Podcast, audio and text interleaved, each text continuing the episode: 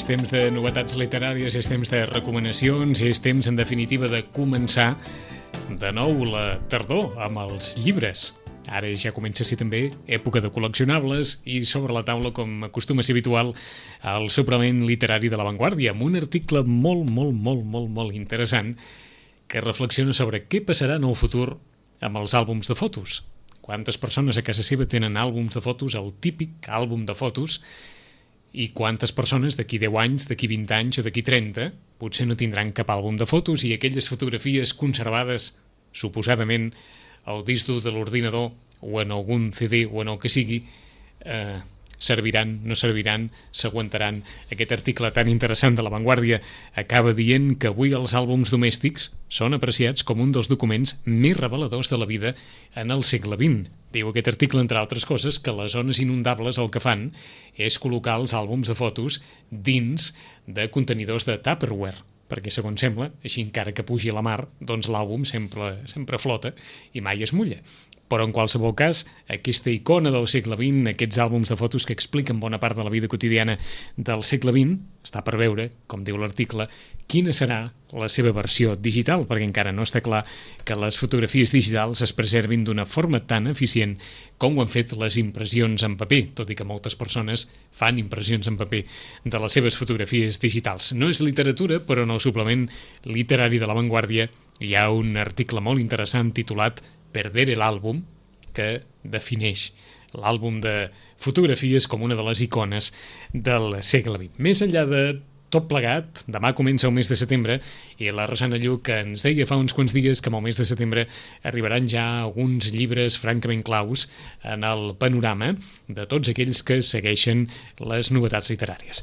Rosana, bon dia. Hola, molt bon dia. Amb el mes de setembre la rentrée literària, eh? ja podem començar a marcar algunes dates al calendari, no? Sí, sí, sí, la veritat és que podem començar marcant-ne una, i és demà mateix.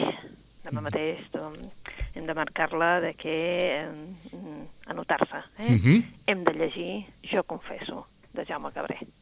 Perfecte, surt demà.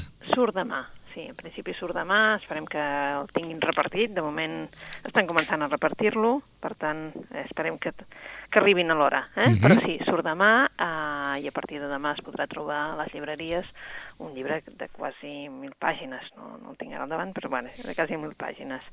Un llibre fantàstic que serà realment la gran obra d'aquesta tardor. Uh, N'has llegit alguna cosa? Sí, n'he llegit, he llegit una, una part, estic llegint així, saps allò, l'estic disfrutant. Eh, Mhm. La veritat és que és un llibre d'aquells de... Um, eh, és una llarga confessió en forma de novel·la. Eh? O, o sigui que has pogut tenir tot el, tot el volum sencer? Sí, sí, sí, Sí. sí, sí. Tinc el volum sencer perquè van fer una prèvia pel, pels llibreters, Sí. allò ens van enviar així perquè poguéssim fer un tast i llavors van decidir que, que ens enviaven el llibre. Eh? D'acord. I ten, tenim la sensació que et sembla que és un llibre extraordinari. extraordinari extraordinari, és aquell ja no li caben estrelletes, eh? és allò que fan els diaris que posen estrelletes. Mhm. ah, vull dir, no l'he acabat, vull dir, us dic que aquest cap de setmana l'acabo i Sí. per tant, saps, és allò... Ara, Però és- és, d'aquells llibres que, que hi entres, saps? Però, però escolta'm, no saps el que satisfà escoltar una lectora empedreïda de tants anys dir he trobat un llibre extraordinari, només és 1 de setembre, eh? Sí, sí. i he trobat és- un llibre és- extraordinari. És, jo crec que és, bueno, d'aquells llibres que dius, bueno, uh, si ens va agradar les veus del Pamano, si te'n recordes que Sí. vam, vam parlar-ne de que ens havia agradat moltíssim les veus del Pamano i tal, doncs amb aquest ja és que és, uh, això sí, eh? Uh, L'actor ha d'estar... Uh, sí, com les veus del Pamano, era un paisatge, era, saps? Vull dir, només hi havia una veu narradora.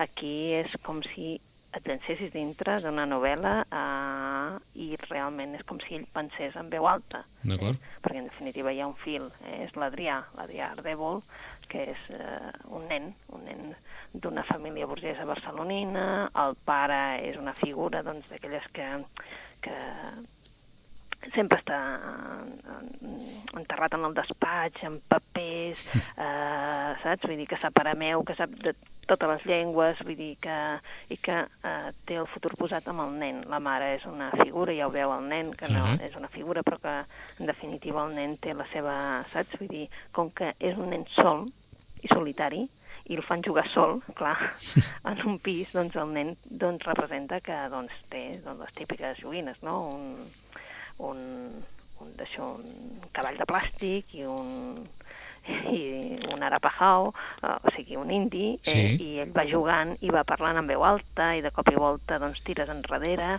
i veus eh, doncs, tota la, la família, no? Uh, bueno, és, de veritat que és una cosa que dius, bueno, és fantàstic, eh? Totes les maquinacions del pare, um, hi ha una història d'un violí, um, bueno, te'n vas des de, des de Barcelona, te'n vas fins a, vaja, a, per tota Europa. Mm? Mm. És un fantàstic, fantàstic, eh? Ja us dic que estic només eh, amb una part de la novel·la... eh, Estàs, estàs entusiasmada. Entusiasmada, sí, sí. Vull dir, és Absolutament dius, entusiasmada. Bueno, hasta em sap greu de vegades, saps? Vull dir, per això l'he deixada una mica, perquè com que vaig veure que era una, una gran novel·la, Mhm. no és d'allò que es pugui llegir, saps? Allò mig endormiscat. D'acord. No, no, no, no. no. Ara de et, anava a eh? preguntar si ara resultarà que et sap greu acabar-la. Bueno, sí que em sabrà També, greu, eh? estic Et segura, sabrà eh? greu acabar-la. dic que me l'estic, saps? Allò... me l'he estat reservant, Ma- perquè ja ho vaig veure, eh? D'acord. Té alguna cosa d'alter ego de l'autor, això, o no? Sí, jo sí? crec que sí. Sí, sí, sí, jo crec que sí. Eh? El que passa que, clar, uh, bueno, no sé, hi ha, hi ha molts temes, jo crec que hi és ell darrere, no? però uh -huh. vull Mhm. dir, hi ha molts temes. De fet, uh, hi haurà un, una trobada amb els llibreters i, i te'n podré fer cinc cèntims, Sí. eh? d'aquí uns dies, però la veritat és que, vaja, uh, bueno, jo crec que sí que hi ha T'ho pregunto cosa. perquè aquest jo- Sobretot, uh, tot aquesta, perquè també hi ha una part sobre la música, no?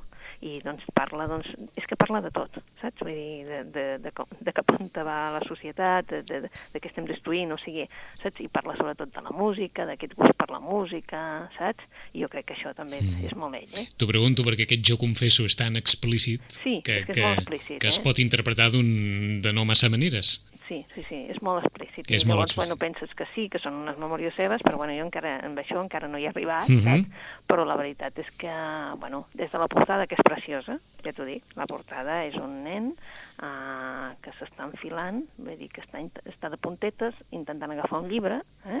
Perquè, esclar, la lectura, uh, la biblioteca, la biblioteca és el lloc del pare, és un lloc on ell no, només hi pot entrar quan hi ha el pare, però evidentment ell hi entra d'amagat, eh?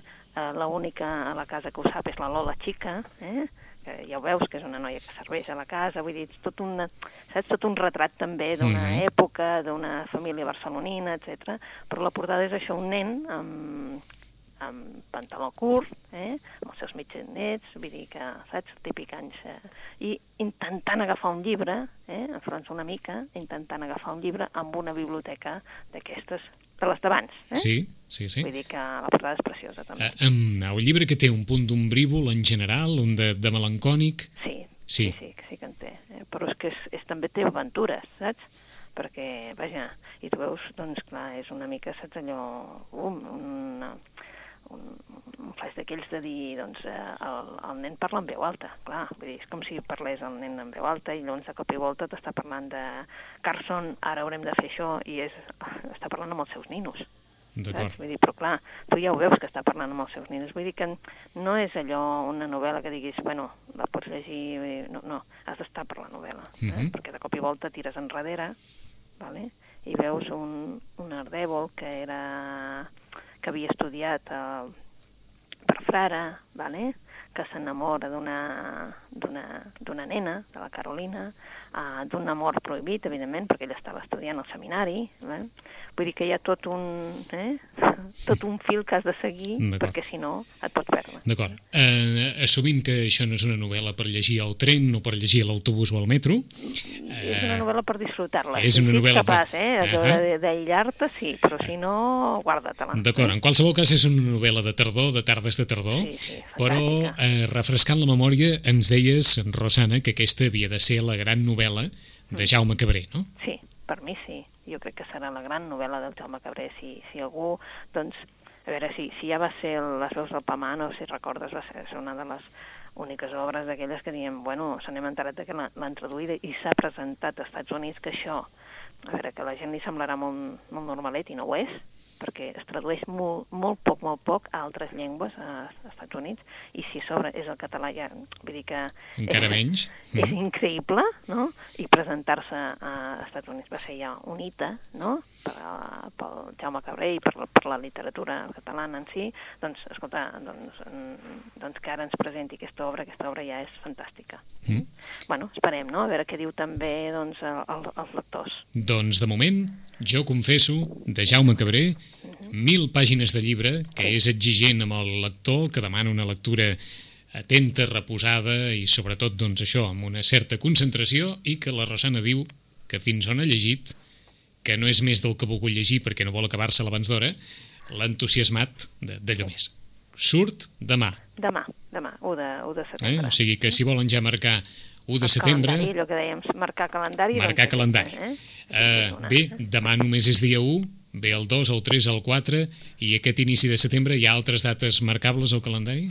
Uh, sí, ja són altres, uh, però bueno, com que ja han començat a sortir, eh, mm -hmm. dir, després ja són uh, d'aquells que, que agraden a un, a un públic molt, molt específic, per exemple, a la gent li agrada un, molt un de fantasia que es deia El nombre del viento, i ja sabem que el dia 4 de novembre surt a la venda i això la gent ja ho té marcat en el calendari, i en canvi tu dius, bueno, d'aquí al 4 de novembre, novembre. ja no?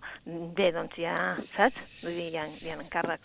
El dia 2 de setembre, em sembla que és, sí, el dia 2 surt un nou llibre del Posteguillo, Eh? La gent també ho té marcat al calendari, la gent que li agrada la novel·la històrica té marcat al calendari que el dia 2 de setembre surt un llibre nou del Posteguillo i que no segueix la sèrie que tenia començada, eh? mm -hmm. perquè en tenia un que era sobre era africanos, eh, les legiones maldites i la tradició de Roma, i ara comença una nova saga i canvia d'editor també.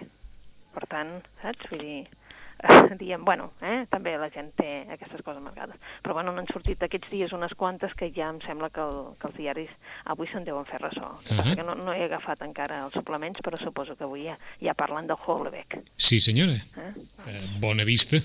Sí, perquè va sortir... Bé, això, això són els anys d'experiència, eh? No, però és que suposo, saps, perquè també és una gran, gran obra perquè en, agrada el Houellebecq. Eh? En Robert Saladrigues diu Houellebecq frente a sí mismo, mm. diu el narrador més discutit i polèmic de França torna a la càrrega amb una nova novel·la que referenda la seva qualitat literària i comença Saladrigues dient per on començar? És el que planteja l'hora del balanç una poderosa novel·la de clara ambició global, cosmogònica, o com se li vulgui dir, d'un autor que suplanta a Dios no para hacer suyo el reto de construir un mundo, sino para diseccionar el que tenemos en su progresivo declive. A veure si ens ho pots fer una miqueta més fàcil tot plegat. La novel·la es diu El mapa i el territori, el mapa i el territori. Està editada en català i en, i en castellà. Sí, i es diu El mapa i el territori, suposo perquè és que resulta que el personatge central és el Jet Martin, un dels personatges, el personatge que realment està en tota la novel·la és el Jet Martin, un noi que, diguéssim, eh, que el pare doncs, representa que és arquitecte i no, no l'ha tingut massa mai massa a prop, vull dir que tenen una relació sí, però sí. distant en el sentit, la mare representa que ha, mort, després se n'enterarà de quina manera ha mort, sí. eh, ja quan sigui més gran, però eh, el Jet Martin el que fa doncs, eh, doncs a través d'una avaria del calentador, connecta un bon dia 15 de desembre, ens parla del seu pare i tal, i en definitiva ell el que es decideix és eh, doncs, eh, amb els mapes, eh? els mapes Michelin, eh? sí. doncs anar, anar fent-los, o sigui, anar fotografiant els mapes i fotografiant el territori. I a partir d'això en fa una obra d'art. Una obra que es converteix realment en una obra d'art. Eh? Vull dir, allò que aquelles coses que dius, bueno, doncs va fotografiant el territori. Després tenim també entremig una noia, la Olga, que és una noia russa, és, eh, coneix amb una exposició amb el Jet Martin, i tenen bueno, doncs una relació, ella treballa en la casa, Michelin, per tant, uh -huh. eh, bueno, em sembla que és Michelin, ara estic dient un nom comercial i no sé Home, si... sent, una, sent, sent un autor francès ens Vull sembla dir, que no sí, pot venir bueno, d'un altre lloc, eh? De mapes, en, en sí, sí, sí, per, sí, això, per bueno, això mateix t'ho dic. En definitiva, si no, és una casa de mapes, diguéssim, sí, i llavors eh, el, comencen la seva trajectòria junts, però eh, amb ella li ofereixen una altra cosa, ella marxa, llavors ell eh, decideix canviar de registre i es posa a pintar. Vale? Però pel seu catàleg de pintor, perquè representa que doncs, el troba una, un d'una galeria i li ofereix doncs, d'això, proven-lo de fer-ho per internet i comencen a, les seves obres a tenir un èxit increïble, uh Mhm. -huh. increïble, però en definitiva ell per presentar-ho, us volia dir per això surt el Hollebeck, perquè ell ha decidit que per fer el catàleg, per presentar el catàleg eh, de les seves obres de pintura, doncs li demana amb el Hollebeck. Vol que el Hollebeck li faci eh, el pròleg, no? Diguéssim, D'acord. eh, perquè aquest catàleg de, doncs, que tingui més, eh, més pes. Se'n va amb el Hollebeck, trobem un Hollebeck doncs, totalment sobrepassat, vivint a Irlanda, eh, bevent, eh, saps? Vull dir, amb quatre mobles, eh, sembla que estigui això a mig eh, instal·lar i resulta que és que, bueno, que està passant una d'aquelles èpoques. Eh? Després ens trobem que el Hollebeck, quan ella vol, doncs, eh, tenen una, vull dir, es tenen una trobada, es troben, parlen, etc. sí, es compromet a ell a fer-ho. El Hollebeck eh, decideix que se'n va, eh, que torna a França, que torna a una casa, diguéssim, que es compra una casa, etc etc. Vull dir que és un Hollebeck que es demostra a si mateix com una persona, diguéssim, poc social, a una persona que li agrada veure, que en aquests moments pues, no té gaires ganes ni de sortir ni de fer absolutament res, vull dir que està en una sequera terrible, vull dir que es mostra com a, clar, vull dir, és la suplantació del personatge fent el personatge, i després Mhm. també, doncs també surt per allà enmig un altre escriptor francès, amic, el Berbeder, vull dir que és en, re en realitat eh, sí que surt el personatge i després a més a més hi ha una um, diguem-ne que tot gira i fa un tom, un tom també inesperat, que no els hi voldríem explicar amb els, els que ens estan escoltant, perquè si no potser sí que no ens la llegiran. Uh, jo l'he trobat molt, molt, molt, molt, molt uh, novel·la de Houellebecq, eh? de seguidors de, de Houellebecq. A mi m'ha agradat, ho haig de reconèixer, Mhm. a mi m'ha agradat i molt. Eh, Llegim, però, la, la, la crònica de Robert Saladrigues Mm. eh, és una novel·la complexa o complexíssima, no? Eh, Bueno, O- perquè ho ho sembla, sembla, no? Perquè, ho sí, sembla. bueno, però Mhm. No, no tant, no tant, eh? La veritat és que quan la comences no tant, no, no ho és, eh? L'únic és que és això, com que ell canvia de... Re...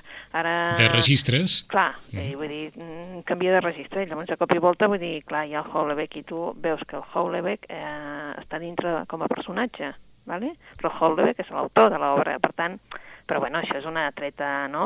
Un tret de, de, de narrativa, vull dir, posar-te tu com a personatge, Sí. i llavors parlar en tercera persona, perquè és lògic, no? I la veritat és que és una obra important. De totes maneres, també haig de dir a molts dels nostres oients, no sé si tu vas veure l'altre dia, l'altre dia hi havia una crítica d'aquesta obra ja, però hi havia també una contracrítica del uh, Alberto Mangel, que no ho deia- vaig dir. Que... doncs, bueno, que deia que amb ell a Houellebecq no li agraden mai i continua dient que no troba què aporta a la literatura. Vull dir que, diu, ara això sí, també ens explicava que les coses ens agraden i no, no, no podem explicar per què ens agraden les coses ni per què no ens agraden Mhm. de vegades. Eh? Afortunadament, Vull dir, saps? Vull dir, afortunadament encara podem explicar que hi ha Exacte. coses que ens agraden però no sabem, no sabem per què ens agraden. Exacte, no, no sabem per què ens agraden, no? I llavors estarem davant, és igual, eh, de qualsevol obra d'art, i Mhm. un dirà fantàstic i l'altre dirà, escolteu, Mhm. això és una, una birria. D'acord? En qualsevol cas és el millor argument per vendre, Rosana. Sí, sí, sí. Eh? que- Trobar- Trobar-se davant, davant un autor que eh, consagra, doncs això, admiradors i detractors a parts iguals. Sí, perquè, a veure, suposo que, eh, clar, di- dius Houellebecq i dius, bueno, partícules elementales, no? Les partícules elementals, que es va publicar en castellà, en català, va ser una gran obra, a, a mi m'encanta, a mi em va agradar molt. Jo a partir d'allà el vaig anar seguint. Uh, que és un escriptor diferent? Sí, vull dir, clar, no el puc comparar amb el Jaume Cabré, és impossible, vull dir, de comparar, no? Vull dir, no Mhm. tenen res a veure. Ara, uh, és per gent que li agradi, doncs, novel·la francesa i que li agradi també el Houellebecq. Eh? D'acord. Vull dir que perquè si no diran, bueno, però aquest senyor què fa? Diu, què, què diu que, que fa? Fotografies de, de mapes i llavors les, saps? Vull dir, les amplia, les fa i, i està fotografiant el territori. Bueno, és una manera, no? Tu parlaves abans dels, eh, Dels àlbums de dels fotos. àlbums de fotos, no?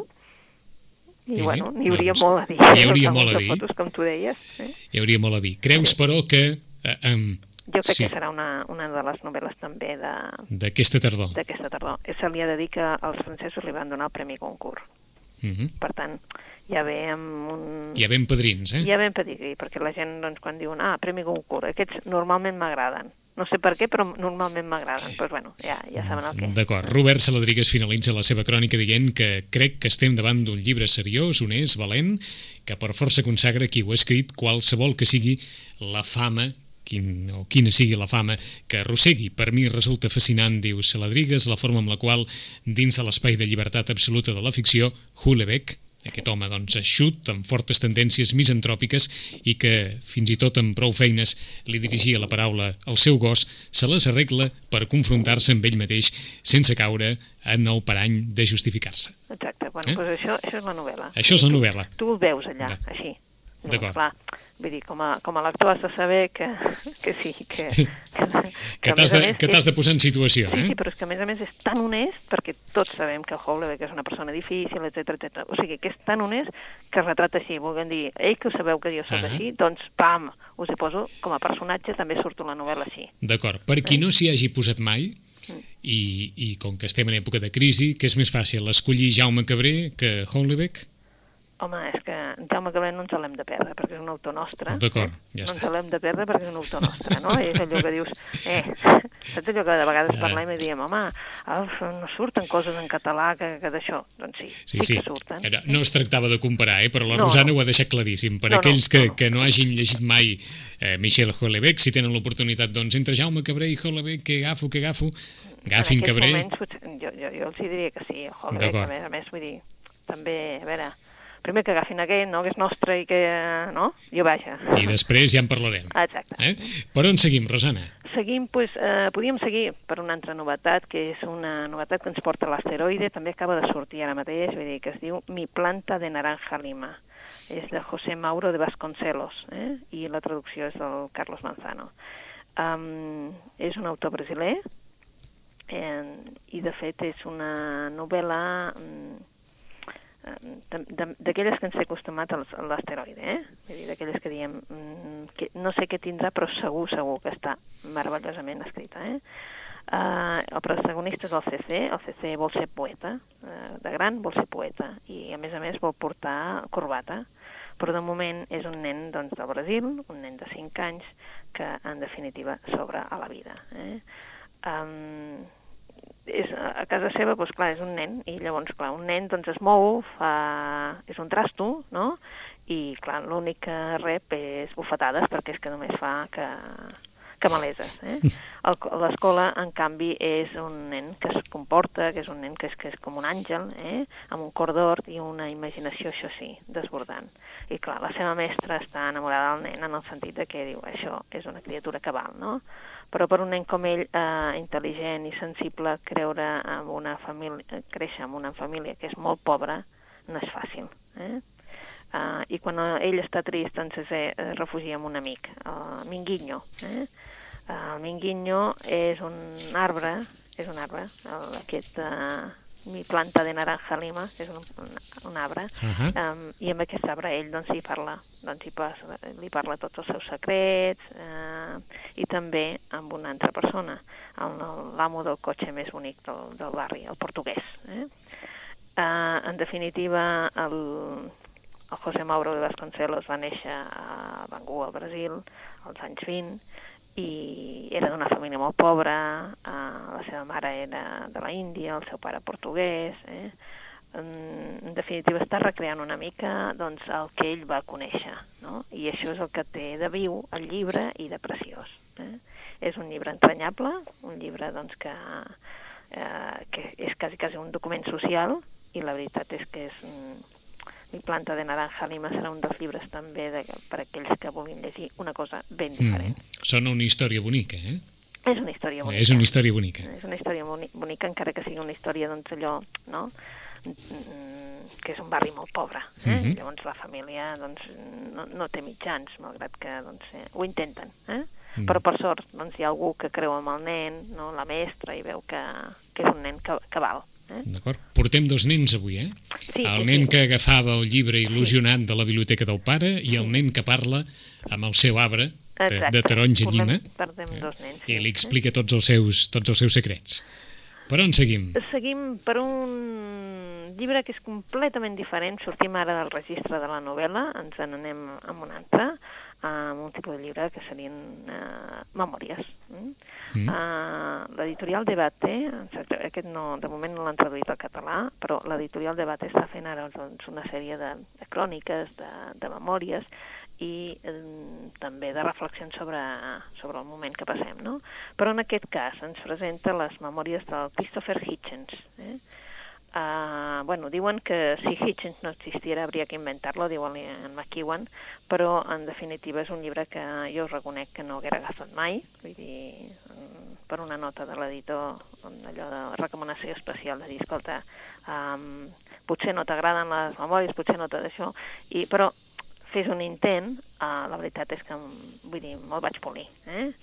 Hitch 22 o Hitch 22, que seria el títol en castellà, sí. que és el nom d'ell, però, eh? perquè hi ha una cosa, amb ell, el de Christopher Hitchens no li agrada mai que li diguin, ni menys Christopher és el que menys li agrada eh? que li diguin, per tant tothom li diu Hitch. Mm.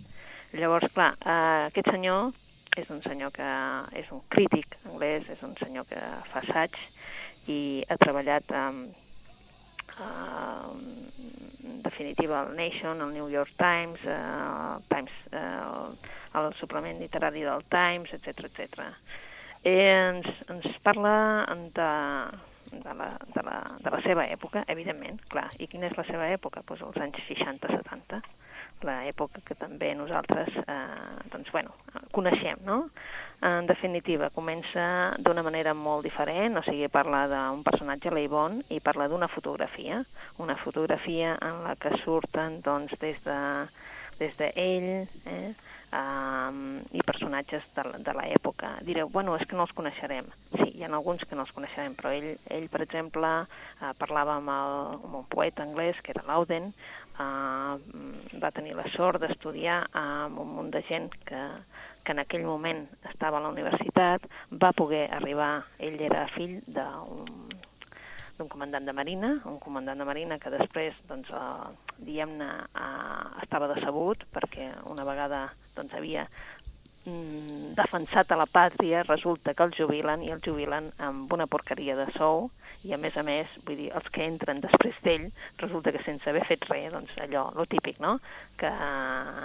Que tenen un sou estupendo, etc etc. El que, el que passa sempre, i el seu, el seu fill li diu, i per què no us uh -huh. manifesteu? Vosaltres heu salvat a la pàtria, heu anat a la guerra, etc etc. Uh -huh. però evidentment és un honor haver-ho fet i per tant això queda fora, no? Vaja, que el llibre se situa fa 50 anys i és actual com la vida mateixa. Com la vida mateixa, vull dir, va parlant des del pare, de la relació diferent amb la mare, la mare marxa, vull dir, abandona el pare, això, com que és una societat anglesa, doncs vull dir que no, el pare no li diu amb ell, però ell ja ha marxat, eh, ha anat a estudiar fora, marxa aviat de la família. Ell reconeix... El que sí es veu és que la poca relació que hi ha amb el germà, no? O sigui, ell decideix que marxa d'hora de casa i marxa, eh, la mare fa tot el possible perquè ell vagi a la universitat i llavors hi va a la universitat i llavors, clar, amb ell se li presenta un tipus de vida completament diferent, veu el que pot donar de si la universitat i el que hi ha fora, eh, a partir de la universitat ell anirà cap a Estats Units, farà carrera als Estats Units, eh, eh, coneixerà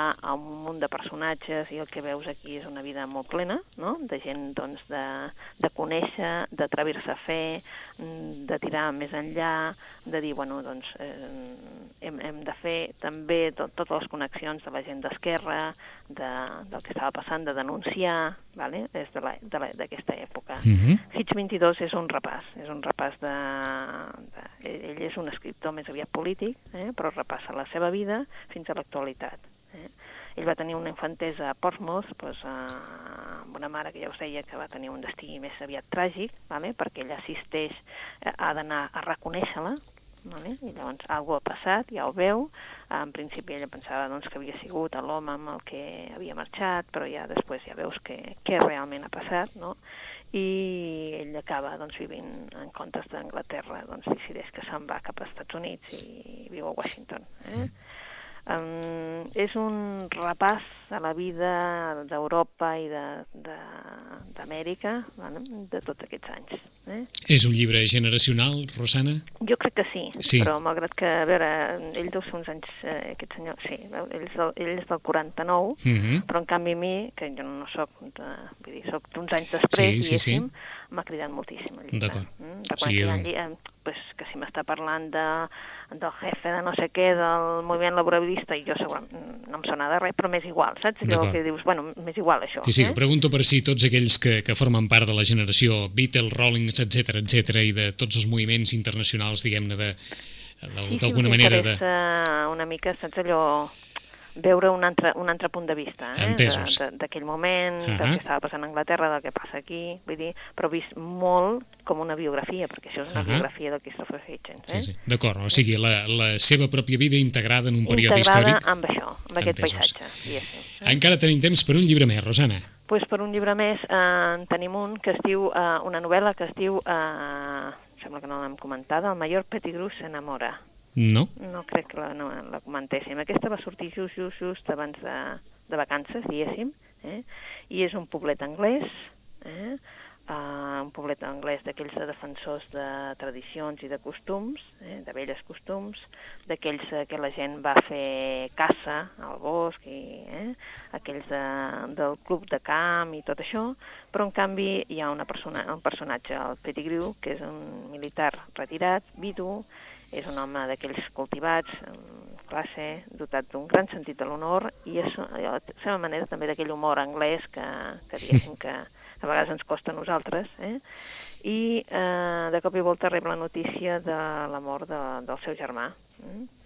Eh, bé, doncs ell està molt apenat i hi ha una senyora, la senyora Ali, que és la que té la botiga de diguéssim, de tot del poble, saps aquelles botigues en Sí. què hi ha de tot? Eh? Uh -huh. I ell, pues, la veritat és que no hi havia tingut gaire relació, però a partir d'aquell moment la senyora Ali, que evidentment pel nom ja veiem que, que, doncs, que ve d'una altra cultura, és pakistaní, és 10 anys més jove que ell, però com que també és vídua, vale, i ha de fer front a les pressions del clan familiar, eh, també li vol prendre el negoci, però ella no està disposada, amb la qual cosa tots dos, diguéssim, lluitaran, però alhora es faran molt amics, eh, perquè són amants de la vida solitària, amants dels poemes de Kipling, per exemple, d'aquella tassa de té ben presa, amb la sense presses, etc etc. i, en definitiva, això acaba doncs, eh, amb una atracció. Mm? Però aquesta relació doncs, revoluciona el poble eh, i llavors apareix el fill de, del, d'aquest major de, eh, que ve de la City i no està disposat a que el seu pare doncs, emparenti amb una persona pakistaní. Mm. És eh, una història allò Aquesta, tendra. histò- aquesta història ens sona, eh? Sí? En- Ens sona en el sentit que, que ens sembla que és una... Eh, que sé, d'això... que és un, no sé si dir si és un tema que apareix bastant sovint, Sí, bé sigui sí, en novel·la això, no? o, o El- en el cinema. No voler acceptar doncs, eh, aquesta altra cultura, no Ah, voler acceptar exactament. doncs, que tu puguis estar... Però, evidentment, és, un, és una novel·la tendra, és una Ah. novel·la doncs, de, de, de dir, bueno, doncs, escolta'm, uh, no té res a veure les cultures. El que hem de ser són persones que, que tenim uns sentiments i la veritat és que la visió del món de, del Pettigrew t'enamora des de la primera pàgina. Ah, no sé si hem dit l'autor, Rosana. Perdó, el, és eh, d'una autora, es diu Helen Simonson. Helen Simonson. Helen Simonson, no havíem sentit res d'ella. Eh? Mhm. és, eh, de fet, és la seva primera novel·la, almenys la primera novel·la publicada aquí, i realment és allò, doncs, eh, una novel·la tendra. Eh? Mm, doncs vinga, comencem. Diferents registres, eh? Ahà. Avui. Eh? Comencem en qualsevol cas per aquests dos llibres més tendres del catàleg que ens ha comentat la Rosana. El major Pettigrew s'enamora de Helen Simonson, aquesta història situada en un poblet rural anglès de costums allò estrictament britàniques i de l'amor, d'un amor que comença a partir del conflicte, però de l'amor entre el major Pettigrew i la senyora Ali, la senyora pakistanesa. Això per un costat. L'altra novel·la, diguem-ne, que respira tendresa, com ens ha comentat la Rosana, és Mi planta de naranja lima, de José Maure de Vasconcelos, editada pels Libros de l'Asteroide, la història d'aquest noi de 5 anys que viu en un entorn de molta pobresa, però que eh, a casa seva és un tabalot i a l'escola és una joia i que explica tots els seus secrets, per una banda, a un minguinyo, que és aquest arbre de, de taronja llima, i també a un portuguès que és el propietari d'un automòbil, diguem-ne de l'automòbil més cridaner del seu barri. Qui li agradi una literatura del tot singular, com el seu autor, de Michel Houellebecq, també és protagonista dels suplements literaris en la majoria de diaris, la darrera novel·la d'aquest autor francès guanyador del Premi Goncourt. La novel·la es titula El mapa i el territori en versió catalana i en versió castellana. Si a més del Premi Goncourt Michelin li donarà alguna cosa que està per veure. La novel·la, però, una novel·la amb una certa eh, complexitat i sobretot que defineix molt la personalitat del seu autor. I per damunt de tots, si hem de ficar-ne eh, algun, trobaríem aquest Jo confesso de Jaume Cabré novel·la, novel·lon, que dirien els castellans, de mil pàgines que ha entusiasmat a la Rosana. Com que d'aquí 15 dies ens tornarem a trobar, veurem si en aquests 15 dies el públic també ha dit alguna cosa sobre la novel·la de Jaume Cabré. Rosana, gràcies i fins d'aquí 15 dies. Fins d'aquí 15 dies. Adéu-siau. Moltes gràcies.